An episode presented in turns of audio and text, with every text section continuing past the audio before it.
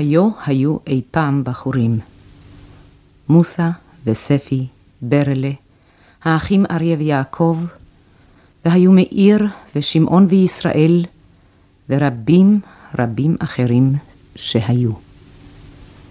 היום מלבלבים פרחים על קברותיהם, והלב נצבט לזכרם. וגם השנים שחלפו מאז, אין בהן כדי להקהות את הכאב ולעצור בעד הדמעה החמה. הנה הם איתנו הערב, ואנו איתם בקרבות על ירושלים ומלכיה, קולה ונבי יושע ולוד ונגבה, והם כמו חיים, כמו נושמים עדיין נשמת הקרב האחרון.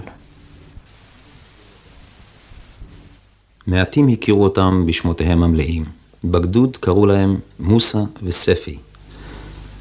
הם היו מלוחמי הגדוד השלישי של הפלמ"ח, חברי הכשרת כפר גלעדי, בחורים מן השורה, מפקדי כיתות, חבלנים. היה זה באותה תקופה שהחבלנים היו נושאים את חומר הנפץ על גבם אל היעד והיו מפעילים אותו במו ידיהם, כשבינם ובין הנפץ מפריד פתיל קצר שהיו מכוונים אותו לפי אורך הזמן הדרוש לביצוע המשימה.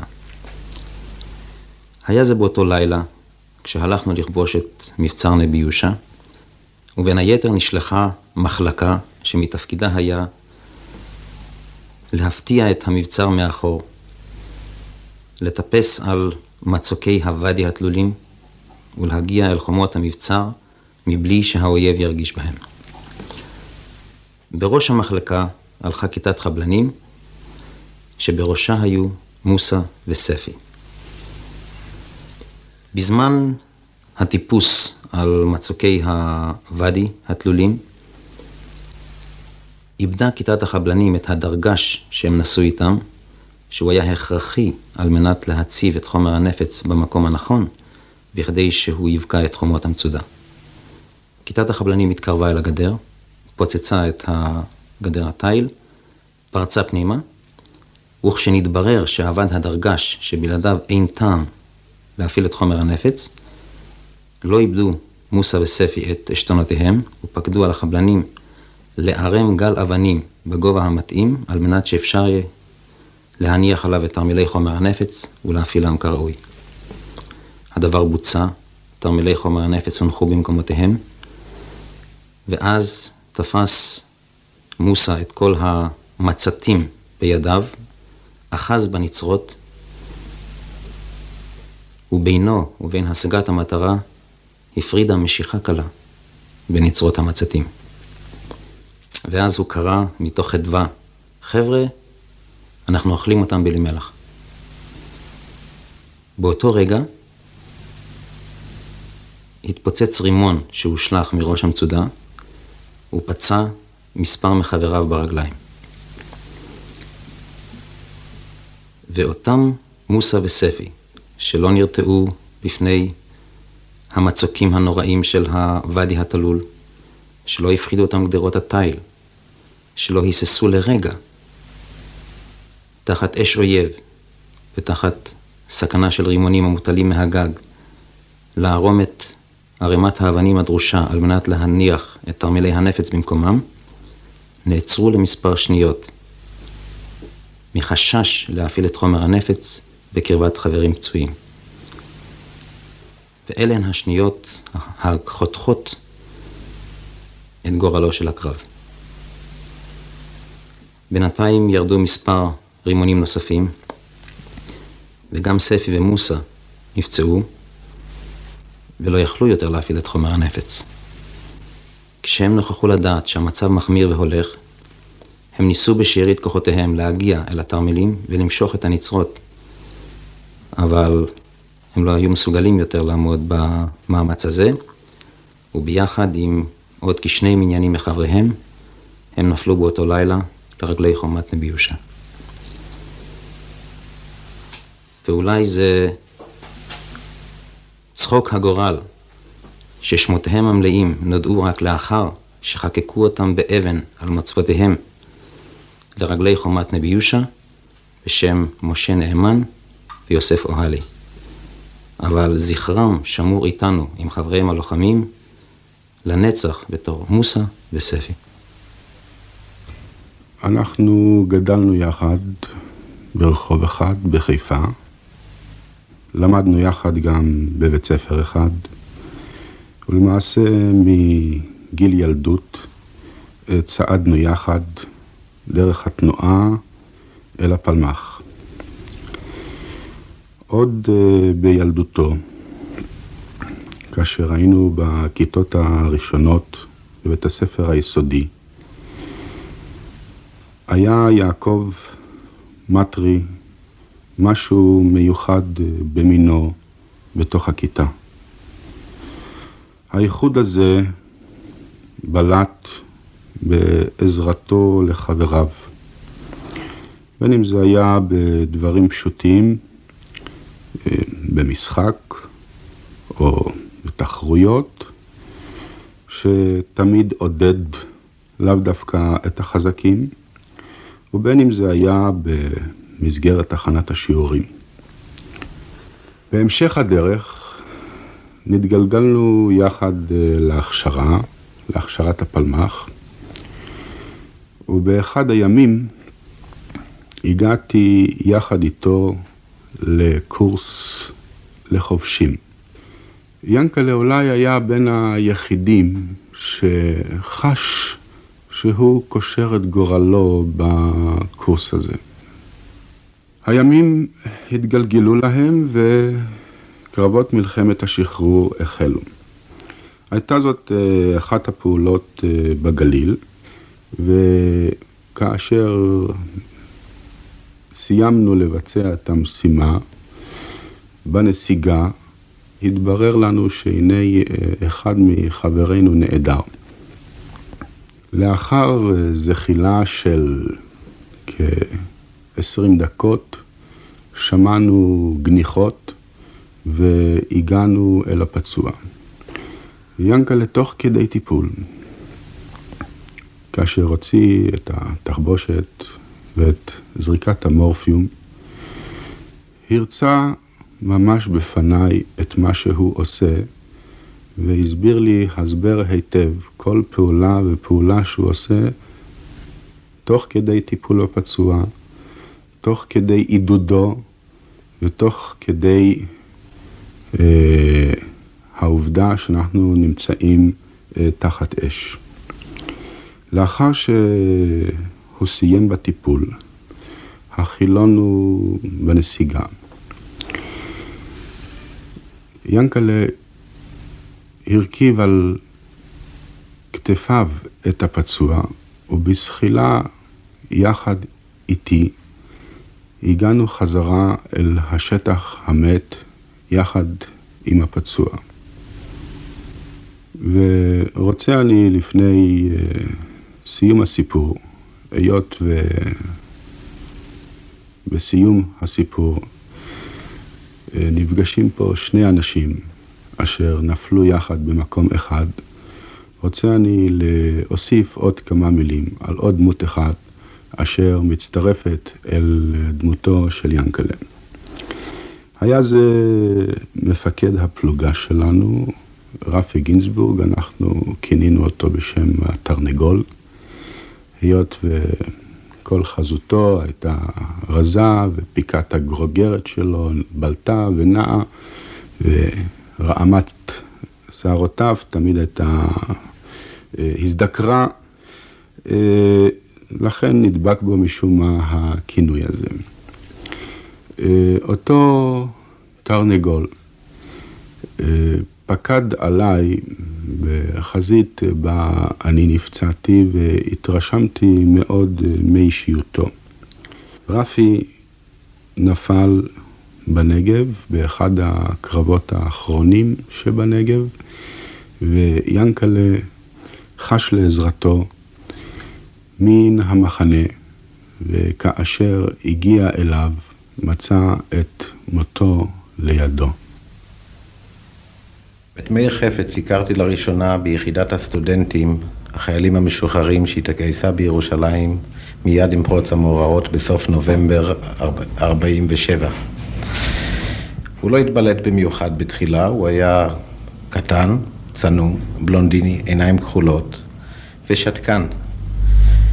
ורק לאחר זמן ששירתנו יחד ביחידה בתקופת הקרבות הראשונה, דצמבר-ינואר, בסביבות ירושלים, בגוש עציון, ויצאנו יחד לקורס קצינים של חיים לסקוב, הראשון של צה"ל, רק אז הכרנו אותו יותר טוב.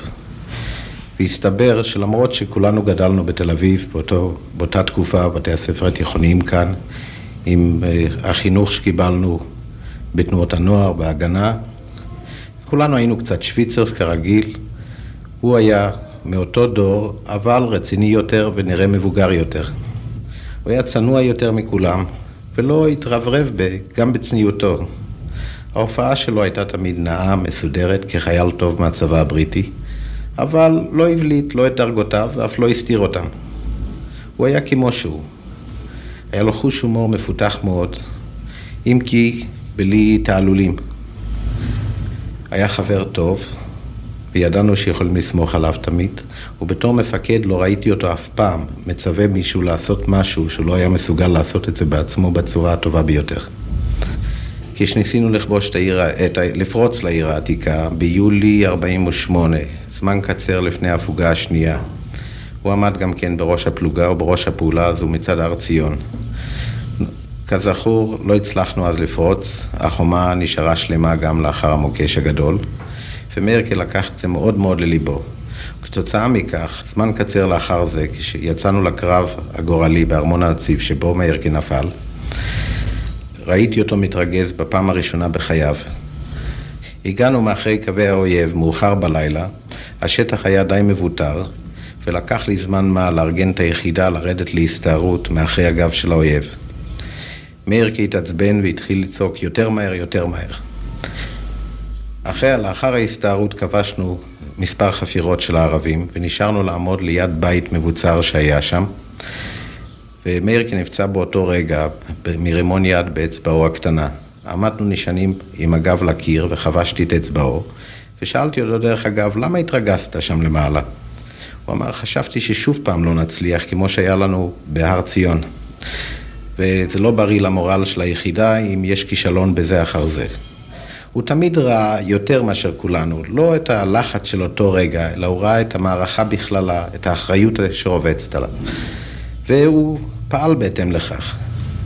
באותו לילה הוא השתתף איתי בהסתערות לצד דרום, עד לאחר שהתבססנו בעמדות, ואז נתקבלו הירידיות הראשונות על האויב המסתנן בצפוננו בין החיילים המועטים ששמרו בשטח.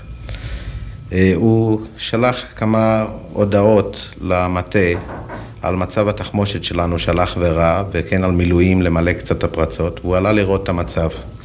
לא עברו רגעים מועטים מאז שהוא עזב אותי, ומיד נתקבלה הידיעה שהוא נתקל במסתננים בין העמדות שלנו, ועל ידו היו כמה פצועים והוא הסתער לעומתם ונהרג במקום מכדור בצווארו.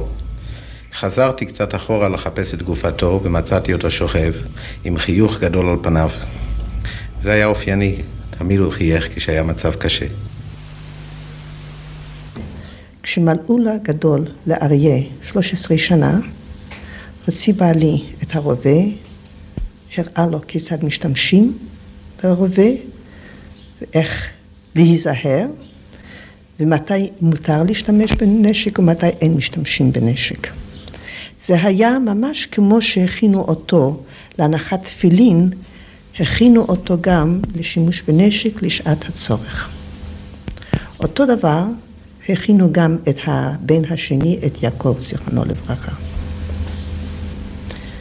אריה ז"ל, כשסיים את לימודיו בגימנסיה אחד העם, יצא לשנה אחת שנת הכשרה, ואחר כך אה, למד בטכניון. בן 16 בערך עזב יעקב את הבית ונסע לכדורי, וגמר שם את בית הספר.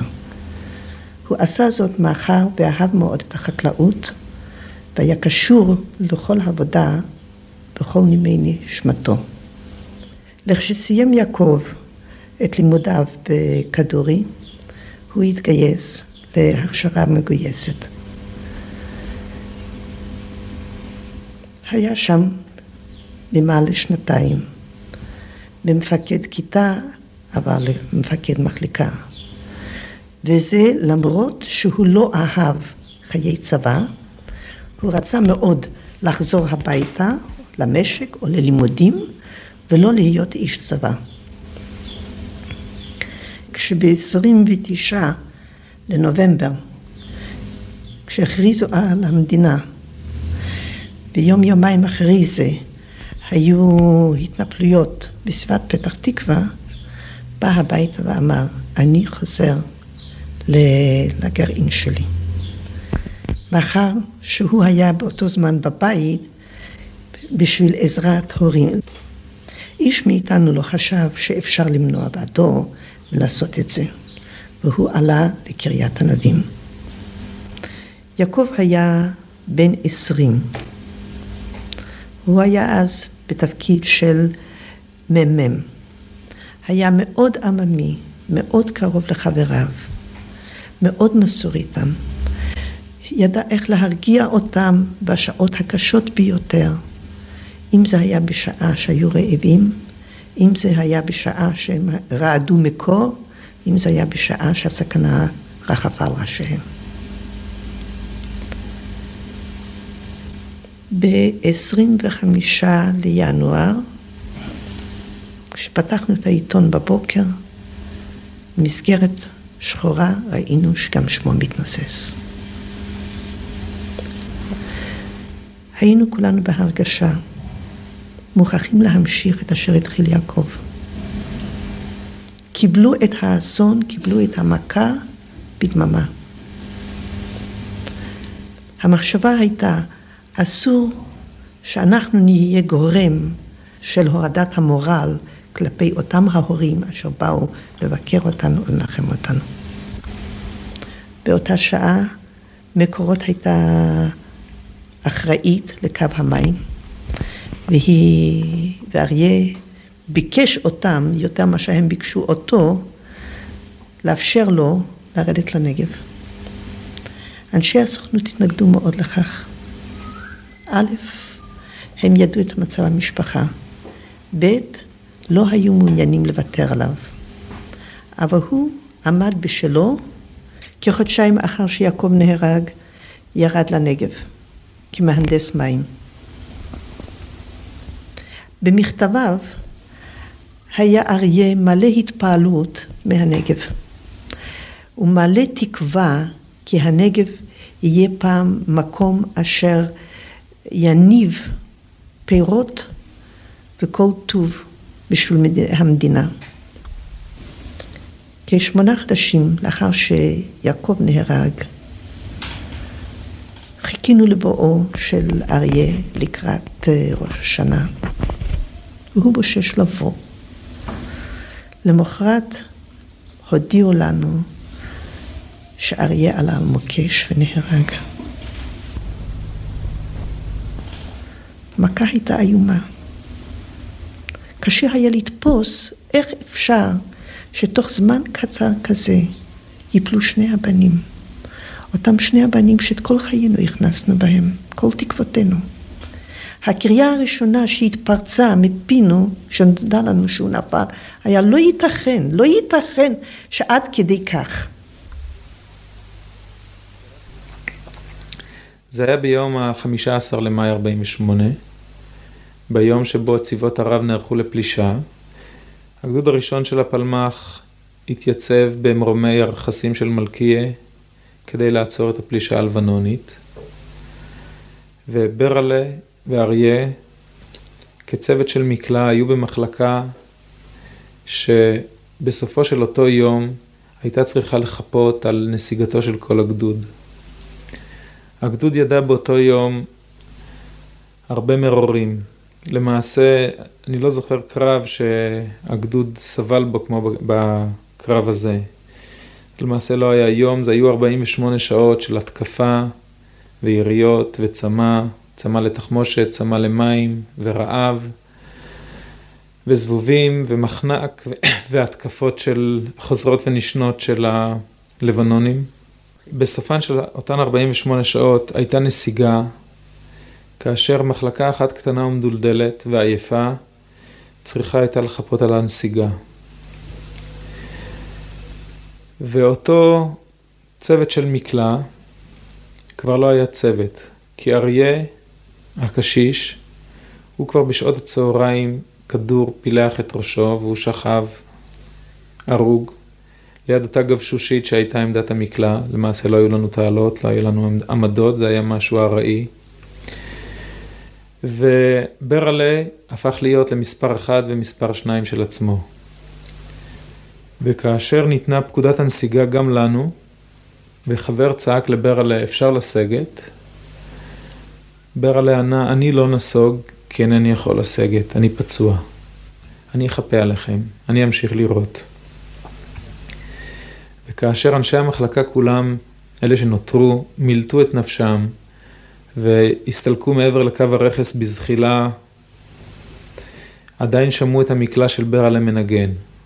היה לו ניגון מיוחד על המקלע, צרורות קצריים, שאפשר היה להבחין בבירור אלה הם הצרורות של ברלה. אחר כך, כשחזרנו וכבשנו את מלכי השנית, מצאנו את גוויות שניהם, בין שאר החברים. אני, משום מה, כאשר אני נזכר בנופלים, הצוות הזה, הצמד הזה של שניים, האחד קשיש מחוץ לארץ, השני צעיר, אלם בן שבע עשרה, שניהם ביחד הולכים ביחד את כל נתיב הקרבות, ושניהם ביחד נופלים ביום אחד, הם מצטיירים לי בראש. את אברהם עומר הכרתי כמעט מיד עם הגיעו ארצה. הוא הופיע עם שני חבריו, לבוש בגדים ערביים למחצה, ועמד לפניי כשבקשה בפיו. למדו אותנו עברית. קיבלנו אותו לכיתה א', אותו ואת חבריו, כיתה א' של בית ספר ערב לנערים עובדים. והם בלטו שלושתם בקומתם, בכתפיהם הרחבות, בתמימותם ובהתמדתם שלא הייתה לה גבול. כשעברו חודשים מספר והוא למד קצת לדבר, סיפר לרעיו ולמוריו סיפור אשר צלצל כאגדה. התברר ששלושתם נתייתמו מהוריהם אי שם בצנע בתימן, ואחרי כן יום אחד כשנתגלה להם הדבר, החליטו לעלות ברגל מתימן הרחוקה לארץ. הם למדו אצלנו בבית ספר ערב עד uh, סוף שנת הלימודים תש"ח, ובאותה מסיבה אשר היו צריכים לקבל את תעודת העלייה מכיתה א' לכיתה ב', הופיעו חגיגיים והודיעו שיש להם בכיס עוד תעודה אחת. בן גוריון קורא אותם לצבא. והבטיחו חגיגית שאחרי המלחמה ודאי יבואו עוד הפעם לבית הספר כדי להמשיך בלימודיהם בכיתה ב'. ואז נעלמו עקבותיהם. עברו שבועות, עברו חודשים, ולא ידענו אלא ידיעות קטועות על קרבות ועל כך שהבחורים עלו בדרגה, ושיודעים את המלאכה לעשות כהלכה, על השתתפותם בקרבות לטרון, בירושלים ועוד. עד שיום אחד, והיה זה עם התחלת שנת הלימודים תש"ט, בחצר בית הספר הופיע אחד מהשלושה פצוע, צולע, עייף, וסיפר כיצד אברהם עומר לחם את מלחמתו בקרב הדמים בקולה. הוא עלה עם מחלקתו לפנות בוקר בכדי לרבוש את היעד, ואומנם כבשו אותו, אלא אותו בוקר היה בוקר ערפילי, וכאשר אה, השמש עלתה לפתע ראו שהגבעה כותרה על ידי חיילי האויב, ולא הייתה דרך נסיגה. המפקד הציע לאברהם עומר, אתה חדש, אתה צעיר, לא הספקת עדיין לחיות בארץ הזאת. תנסה עם חלק מהאנשים לרדת לקמה אשר משתרעת למרגלות הגבעה. ואז אמר הבחור, הוא לסגת בפני ערבים איננו יכול. יש לו חשבון ארוך, חשבון של אבא, חשבון של אימא, חשבון של סבל בל ישוער, חשבון של גאווה משלו. ואז נותר עם אלה הכ"ח אשר היו בגבעה, וברגע האחרון, כאשר לא נותר אף אחד פרט לא בעצמו, הוא פוצץ את עצמו ברימון יחד עם אלה שבאו לקחת את חייו. כל אחד עם הרגש שלו. איך הרגש שלו? ככה זה. בן אדם שאיבד, הוא רואה מולו מה שקרה. אומרים, אה, צרת רבים נחמה. זוהי הנחמה, כמוני, כמו כל האימהות, אין אם שהכאב שלה מיוחד. כל אם יש לה את הכאב שלה. אני היום, יש uh, לבחור 17 שנה, 16 המדינה קמה, קיימת, נכון? 16 לשני, שנה בין שניהם. אז uh, בן אדם הוא רק בן אדם. אם בן אדם ישתגע, אז מה ירוויח? אני ארוויח אותם חזרה? ערב יום הזיכרון התייחדנו עם זכרם של בנים ואחים, רעים וידידים, שעל גופם נסללה הדרך אל המדינה. היו איתנו באולפן, לפי סדר הופעתם, משה קלמן, ישראל גורלניק, מנחם מרגליות, שושנה ישראלית, אלוף משנה רחבעם זאבי, המכונה גנדי, ברוך אורן וגברת אמרני. התוכנית נערכה והוגשה על ידי אוגניה שמחוני וזאב ענר.